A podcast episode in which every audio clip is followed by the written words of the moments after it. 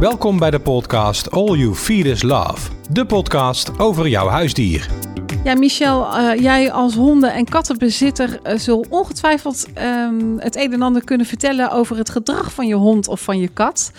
Um, ja. Want er moet natuurlijk ook wel eens gecorrigeerd en gestuurd worden. En hoe doe je dat dan, hè? Ja, dat begint al als pup, hè? Ja, nou, daar gaan we straks over praten met Jeroen Omen. Hij is uh, gedragsdeskundige en hij is ook hondencoach. Ja. Uh, dus ik ben heel benieuwd hoe hij, uh, wat, welke aanpak hij aanbeveelt.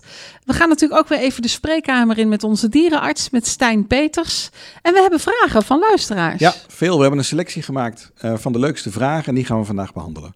Ja, gaan we voorleggen aan uh, Stefanie en Juné. Ja. ja, en dan denk ik dat we daarmee een uh, goed gevulde laatste podcastaflevering hebben voor uh, in ieder geval dit seizoen. Zo ziet het er wel naar uit. Ja, ook in deze laatste podcast van deze serie is onze dierenarts weer te gast, Stijn Peters. Uh, vanuit het uh, dierenziekenhuis in Eindhoven uh, ben je weer in onze podcaststudio beland. Ja. Uh, we gaan het vandaag hebben over darmklachten. Dat is wel een lekkere om mee af te sluiten, zullen we maar zeggen. Zullen we hem anders verdubbelen, deze uitzending? Dat we misschien, of deze, deze Dubbele podcast... darmklachten? Nee, nee, ook oh. leuke dingen misschien. Oh, ja. Oh, ja. Oh, ja. ja, darmklachten zijn, zijn, dat is echt klacht nummer één waar mensen mee binnenkomen. Uh, zowel bij honden en een klein beetje ook bij katten. Uh, alhoewel katten vaak, die oorzaak van darmklachten bij katten is nou, heel bizar. En het zijn ook vaak, katten met diarree komt niet zo heel vaak voor. Uh, katten die overgeven veel vaker, maar de meeste eten daarvan wel gewoon weer. Maar katten met darmklachten die komen niet zo heel vaak voor. En het zijn, het zijn vaak ook een beetje vage klachten. Um, uh, en we hebben er katten bij, en dat is vaak wordt veroorzaakt door dingen zoals, ja, we noemen dan het IBD, Inflammatory Bowel Disease.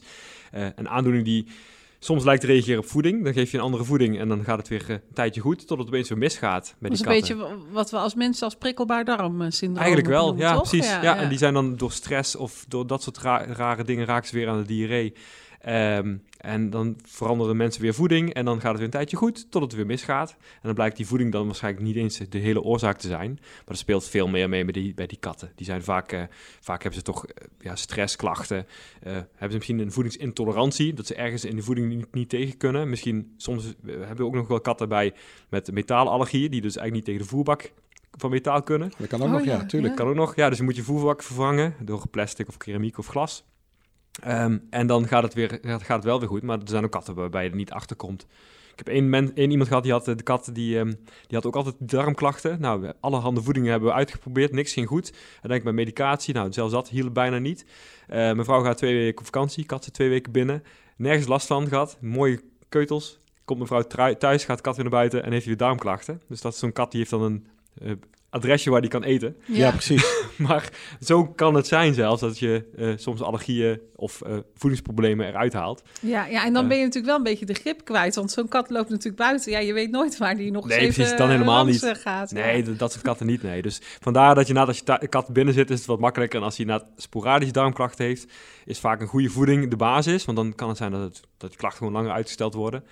maar soms moet je toch ook met de dierenarts in conclave om te kijken of je iets aan de behandeling moet doen. Het geval is heel anders bij honden, want honden hebben vaak veel vaker darmklachten, veel vaker diarree. Uh, honden die um, lopen nou, buiten ook allemaal een beetje op hetzelfde plekje, hè, komen vaak op hetzelfde uitlaatstroken, hetzelfde veldje. En um, ongemerkt lopen ze door elkaars ontlasting heen. Uh, als het maar goed geregend heeft en een darmklacht, die diarree van die darmklachten uiteindelijk een beetje uitgespoeld is over het veld ja. heen, lopen ze lekker doorheen, lekker zijn pootjes thuis en zijn ze besmet. Um, dat is de beste manier van overdracht van een virus. Nou, dan heb je zo'n hele wijk die dan allemaal aan het diarree is.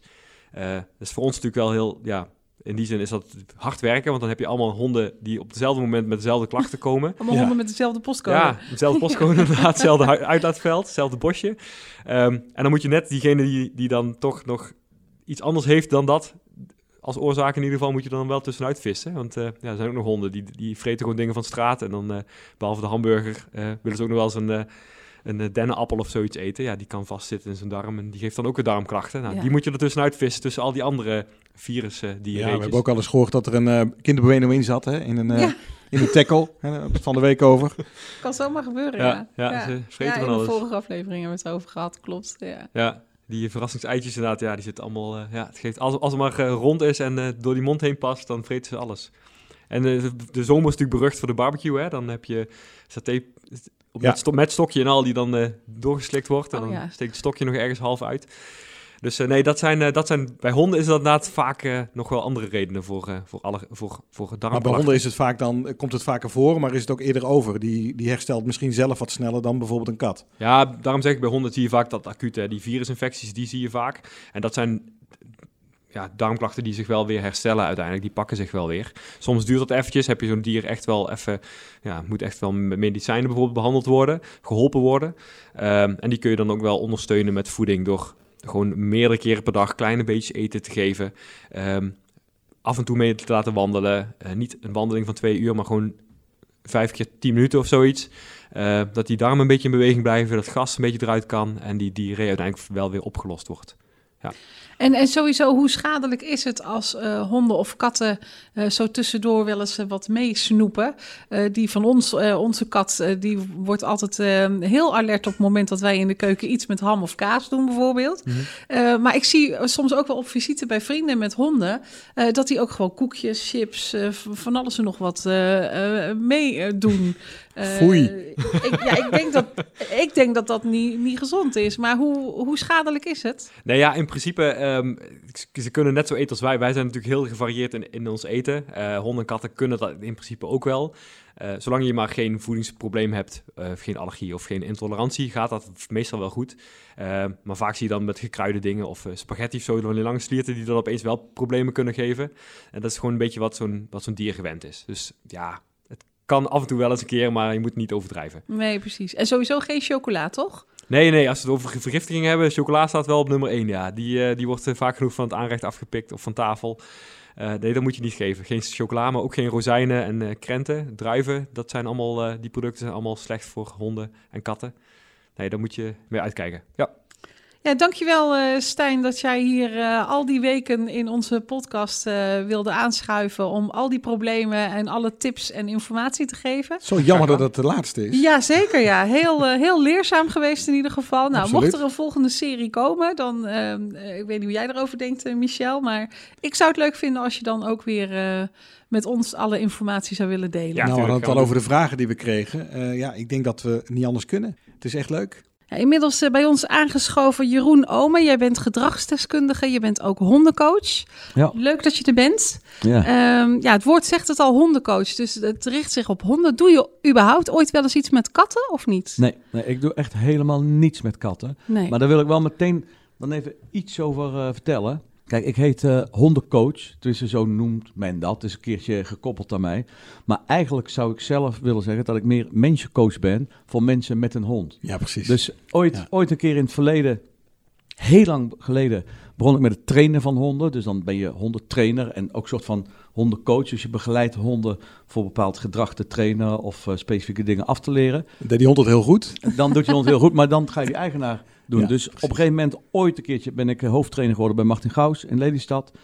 Uh, toen ben ik eigenlijk begonnen met instructeurs en trainers en gedragstherapeuten opleiden. En dan, dan ben je eigenlijk alleen maar bezig met mensen te leren hoe ze met een hond moeten omgaan. En dat is eigenlijk een betere naam misschien, een mensencoach voor hondenmensen of zoiets. Ja, Ik niet, maar mensencoach maar, voor hondenbezitters. Ja, ja dat ja. ja. ja. Toch wel leuk omdat we na al die tips die we al gehad hebben van hem, dat we dit nu, hè, dat verschil ook kunnen, kunnen Ja, precies. Kunnen, kunnen ja, aan, ja want dat is natuurlijk cruciaal hoe de mens uiteindelijk met de hond omgaat. Want dan krijg je ook terug uh, het, het, gewenste gedrag terug wat je, wat je wil. Uh, ja. um, uh, misschien een hele uh, open en algemene vraag, maar hoe belangrijk is het dat mensen van puppy af aan hun hond trainen? Oeh, ja, dat, dat is zo... Open deur. Oh, ja, nee, ja, natuurlijk is het belangrijk, maar ik zou dan ook wel nog even iets willen vertellen over voordat je begint te trainen.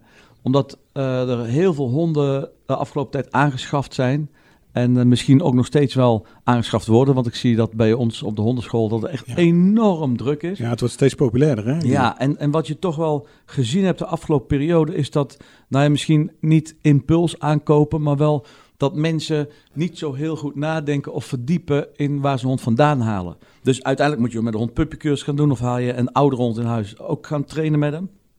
Maar het verdiepen in wat voor hond haal je nou in huis en wat voor achtergrond, daar begint het al mee. Dus je hebt met die puppy bij Fox heb je een socialisatieperiode van wat heeft de fokker er al mee gedaan, wat is de achtergrond van de ouders. Je ziet heel veel honden tegenwoordig uit het buitenland. En dat, dat zien wij in de praktijk nog als gebeuren, dat vanuit het allergrootste hart en liefde wat mensen hebben, dat ze een hond willen redden uit het buitenland. Op het moment dat ze dan komen trainen bij ons, is zo'n hond misschien al zo beschadigd Ja. dat je maar hele kleine dingetjes nog kan fine-tunen of veranderen, maar dat je al niet zo heel veel Ja, dus- kunt. Eigenlijk een, een zwerfhond is heel anders gesocialiseerd dan een hond uit een warm nest, zeg maar. Ja, zeker. Net als bij mensen. Ja, en ik zie tegenwoordig, dat moet ik ook zeggen, hoor, want ik zie tegenwoordig wel steeds meer honden uit het buitenland die goed gesocialiseerd zijn. Maar in het begin, ja, dan, dan zou je zeggen, als mensen een hond in huis krijgen, ehm, wat voor training zouden ze moeten doen of waar moeten ze op letten? Ja, dan zou ik willen beginnen. Let eerst even op met wat voor hond je aanschaft, met wat voor achtergrond, met wat voor doel. Dus, dus heb je een gezin, heb je kinderen in huis. Dus, dus voordat je überhaupt aan trainen moet gaan denken, is de eerste stap van, oké, wat halen we in huis? Hebben we daar genoeg verstand van en weten we genoeg van de achtergrond? En als jij dan uiteindelijk met mens en dier aan de slag gaat eh, om eh, te gaan trainen, hè, zijn er dan algemene dingen die je ze leert? Of is dat juist heel erg gerelateerd aan ras, soort, eh, reu, teefje? Afkomst. Ja, ja dat, dat is wel echt een hele goede vraag. Ehm, en, maar ik zelf eh, kijk heel erg naar het individu hond. Ja. Ehm, als je bo- rasboekjes gaat lezen, dan geloof ik ook de kracht van de geest.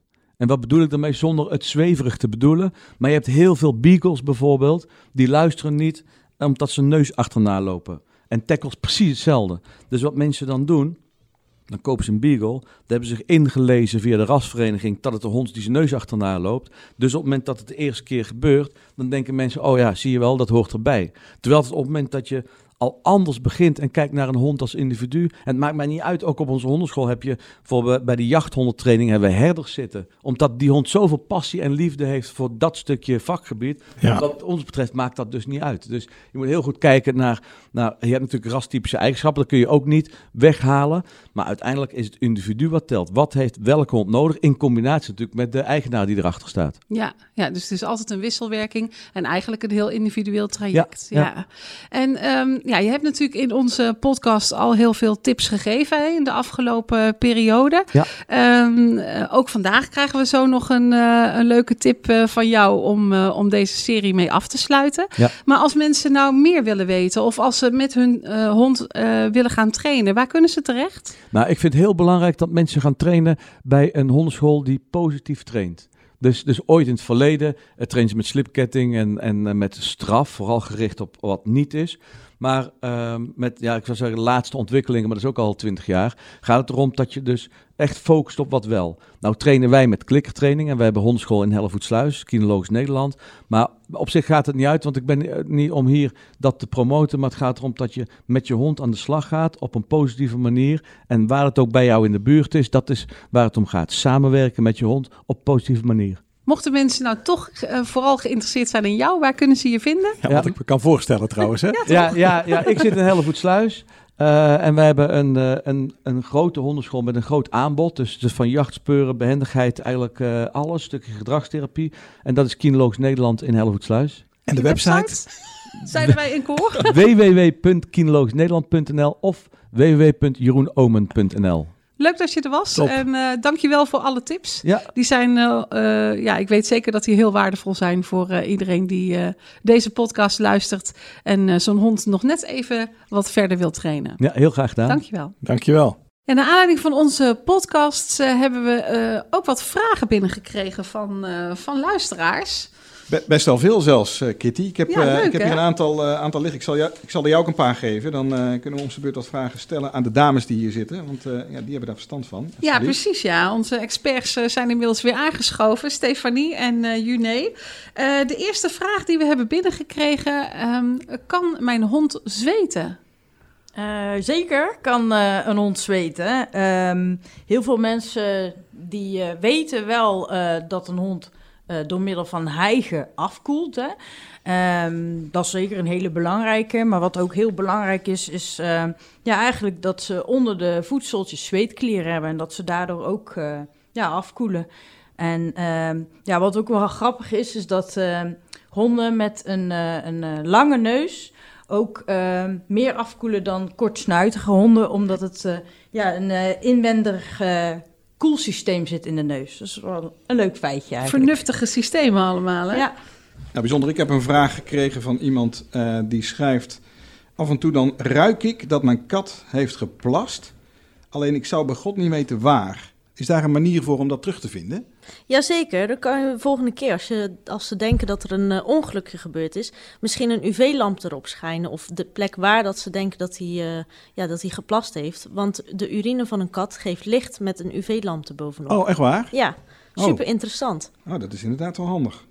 Nou, dat, eh, ik hoop dat ze luisteren. En dat, dit is wel de tip die... eh, want het- ja, het kan heel vervelend zijn als je het niet kunt vinden. En het kan behoorlijk stinken.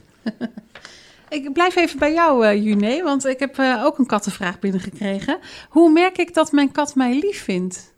Nou, eh, katten die communiceren via hun neuzen. Dus als je een kat wel eens met zijn met z'n neus tegen jouw wang aan zit of tegen je aan, dan wil hij eigenlijk zeggen dat hij je hartstikke lief vindt. Dus dan, eh, dat is toch een, een soort liefde wat hij aan je geeft. Oh, wat leuk. Ja. Kattenkusje. En doen ze dat ook bij elkaar? Niet als ze elkaar niet zo goed kennen. Dus eh, echt katten die continu met elkaar in huis zitten, die zullen dat sneller doen. Maar eh, bij vreemde katten dan zullen ze eerder eh, met een dikke staart eh, agressief tegen elkaar doen. Mooi. Ik heb een eh, vraag nog, eh, Kitty, gekregen van iemand die zegt of vraagt... kunnen honden ziektes ruiken? Eh, zeker kunnen honden ziektes ruiken. De, de neus is het belangrijkste zintuig van een hond. En eh, ik denk wel van bijna elk dier wat er bestaat. Eh, wat bij ons natuurlijk onze ogen zijn. Eh, we kennen natuurlijk allemaal de drugshonden, hè, die, eh, die echt ingezet worden bij de, bij de politie, et cetera. Eh, maar er zijn zeker heel veel honden die ziektes kunnen ruiken, zoals kanker en epilepsie. En wat echt wel heel handig is voor die, eh, voor die mensen die zo'n ziekte hebben, zeker met bijvoorbeeld epilepsie, die honden ruiken van tevoren al dat zo'n persoon zo'n aanval gaat krijgen. Nou, En bijzonder dan- is dat, hè? ja, dan kan hij wel eh daarnaar handelen en, en ja, eventueel hulp inschakelen of alvast zitten of liggen of iets dergelijks. Ja, Ja, dat is echt een hulphond dan. ja echt een hulphond. Ja. Mooi. Dan in het verlengde van die, eh, van die neuzen dan krijg ik een vraag. Ehm, die neusafdruk van een hond die schijnt uniek te zijn. Wat kun je daarover zeggen? Eh, ja, klopt eigenlijk wel inderdaad. Eh, het mooie eigenlijk is, wij hebben natuurlijk onze vingerafdruk. En eh, bij een hond is dat de neus. Elke hond heeft zijn eigen unieke neusafdruk, om het zo maar te zeggen. En ook leuk om te weten, bij een kat is dat ook zo. Ah, oké. Bij Ja. allebei? Ja. Ja. Ah, bijzonder. Nou, dat wist ik echt niet. Eh, ik krijg een vraag binnen eh, over katten die eh, van alles en nog wat mee naar huis nemen. Vogeltjes, kikkers, muizen. je kunt het zo gek niet bedenken. Ehm, maar het vaak niet opeten. Ja, klopt. Eh 30% van de dieren eigenlijk die meegenomen worden door de kat, die eten ze eigenlijk niet op. Maar ze nemen het mee omdat ze als prooi, als cadeau, wat ze aan jou willen laten zien. Omdat ze toch een jachtinstinct hebben wat toch naar boven komt. Ja, dus ze vinden het eigenlijk gewoon leuk om te jagen. Ja, En vervolgens eh, doen ze het cadeau aan, aan hun baasje of vrouwtje. ja het- van vroeger uit dat ze toch het, het, eh, de prooi aan hun kroost geven. Fijn is dat, hè? Als ze op je bank springen met zo'n prooi. Ja, heel, is alles onder bloed. heel Ja. gezellig. Ja, heel gezellig. Maar eigenlijk moeten we dan ook onze kat niet straffen als die dat doet. Nee, nee, nee, dat is wel inderdaad eh, zonde eigenlijk, want het is een instinct. Dat, dat kunnen ze niet onderdrukken. En het is ook nog eens lief bedoeld. is een cadeautje, ja. Ja. Nou heb ik een, een vraag die, die is vaker gesteld. ehm, voor zowel honden als katten. Dat vind ik ook wel bijzonder. Mijn hond doet dat inderdaad ook. Eh, voordat hij gaat liggen, draait hij een aantal keer om zijn as. In zijn mand. Dat vind ik altijd Ja. bijzonder. En dan pas gaat hij liggen. En dan, dan krijg je zo'n lange zucht en dan is hij lekker in rust. Het, wat kun je daarover zeggen, Stefanie? Eh, ja, dat klopt inderdaad. Eh, dat zien we echt heel veel. En het kan soms heel irritant zelfs zijn. Dat je denkt, nou, ga eens liggen. Ja, precies. Eh, maar het is eigenlijk vanuit het instinctieve, vanuit het wild. Eh, in het wild eh, draaien ze dus rondjes op lang gras, zodat ze eigenlijk van het lange gras een lekker bedje maken. Oké. En dat zie je ook weer terug bij de honden die achter hun staarten aanrennen. Dat is eigenlijk een beetje datzelfde effect. Oh, grappig. Ja, grappig hè? Ja. Nou, de laatste vraag is voor jou, eh June. Eh, als mijn kat spint, eh, krijg ik als vraag binnen. Betekent dat dan dat, het, dat ze gelukkig is? Nee, nou, heel, veel, heel vaak is het zo dat ze gewoon wel gelukkig zijn. Dat ze gewoon super blij zijn en eh, op hun gemak. Maar soms is het inderdaad ook dat ze het doen als ze niet op hun gemak zijn. En dan is- het meestal wel een lagere eh, toon van spinnen. Maar het kan ook doordat ze gestrest zijn of niet op hun gemak. Maar dan zijn ze ook echt onrustig. Dus dan lopen ze heel tijd rondjes en dan gaan ze niet lekker rustig liggen. En kan het ook een indicatie van pijn zijn? Ja, gestrest, pijn. Maar dan als, is het een eh, ander soort spinnen, zeg je dan wanneer ze... Ja, eh, klopt. Meestal is het een, een dieper en lagere klank. Oké, dankjewel. Ja, en ook deze laatste podcast eh, krijg je een eh, tip van Jeroen. En ik moet zeggen, dit keer is het wel echt een ultieme tip, hè? Ja, dat gaat over schooien. Ik heb daar echt een gruwelijke hekel aan. En met mij nog veel meer mensen, denk ik. Maar hoe krijg ik mijn hond van het schooien af? Nou, dan is natuurlijk de eerste vraag. Hoe komt hij eraan? Want hij doet dat niet van nature. Wat er gebeurt is, die hond heeft af en toe bij de tafel of zo zit je eten. Die hond loopt rond de tafel en dan krijg je bijvoorbeeld een stukje kaas of eh, wat dan ook. Dus hij heeft uiteindelijk geleerd dat als hij in de buurt van de tafel is, dat hij wat lekkers kan krijgen. Dus wat eigenlijk de oplossing is, je geeft hem helemaal niets meer bij die tafel. Nooit. Dus het enige wat je doet is niet meer die kaas geven, maar geef hem gewoon een happy dog in zijn bak. Dat is helemaal top. Michel, ik ga je een onmogelijke vraag eh, stellen. Oei, We hebben nu zes afleveringen gemaakt van deze podcast. welke vond ik het leukst? Nou, wat vond jij nou het meest interessante of het meest leuke onderwerp wat we besproken hebben? Nou, om eerlijk te zijn, ik, eh, ik zit al een tijdje in deze, in deze branche. Ik weet er ook eh, best wel wat van. Maar goh, wat heb ik veel geleerd. Maar ik kan die vraag misschien beter aan jou terugkoppelen. Hoe heb jij het ervaren met al deze kennisbommetjes? Ja, eh, ik zeg het al, ik vind het een onmogelijke vraag, want ik zou hem niet kunnen beantwoorden. Want ik vond natuurlijk, eh, ik ben een kattenliefhebber en ik hou ook echt wel van honden, maar ik vind katten nog net iets interessanter, vooral omdat ze zo eigenzinnig zijn. Ja. Dus ik vond het heel leuk dat Janine eh, in onze podcast aanschoof om daar eens wat over te vertellen. Ja.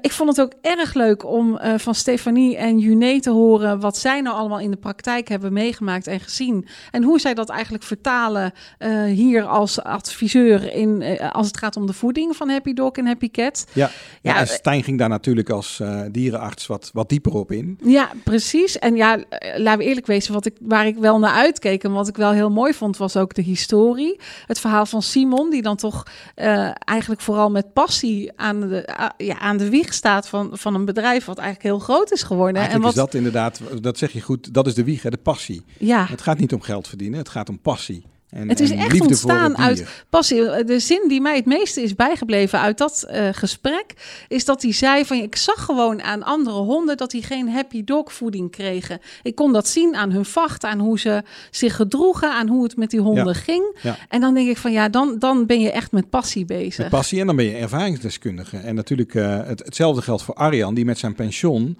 eh, ook alleen maar dieren de juiste voeding geeft. De voeding die ze nodig hebben. En eh, ook dat heeft weer eh, geen, geen, eh, ja, geen geldaspect, maar gaat puur de liefde voor het dier. En wat, eh, ja, de gezondheid. Dat is eh, waar het om draait. Ja, ja, en ik vond het ook leuk om de online wereld van MedPets dan eens in te duiken. En eh, hoe een gedragsdeskundige kan vertellen, met, met passie ook weer. Hè, dat, eigenlijk komt daar hetzelfde weer in naar voren.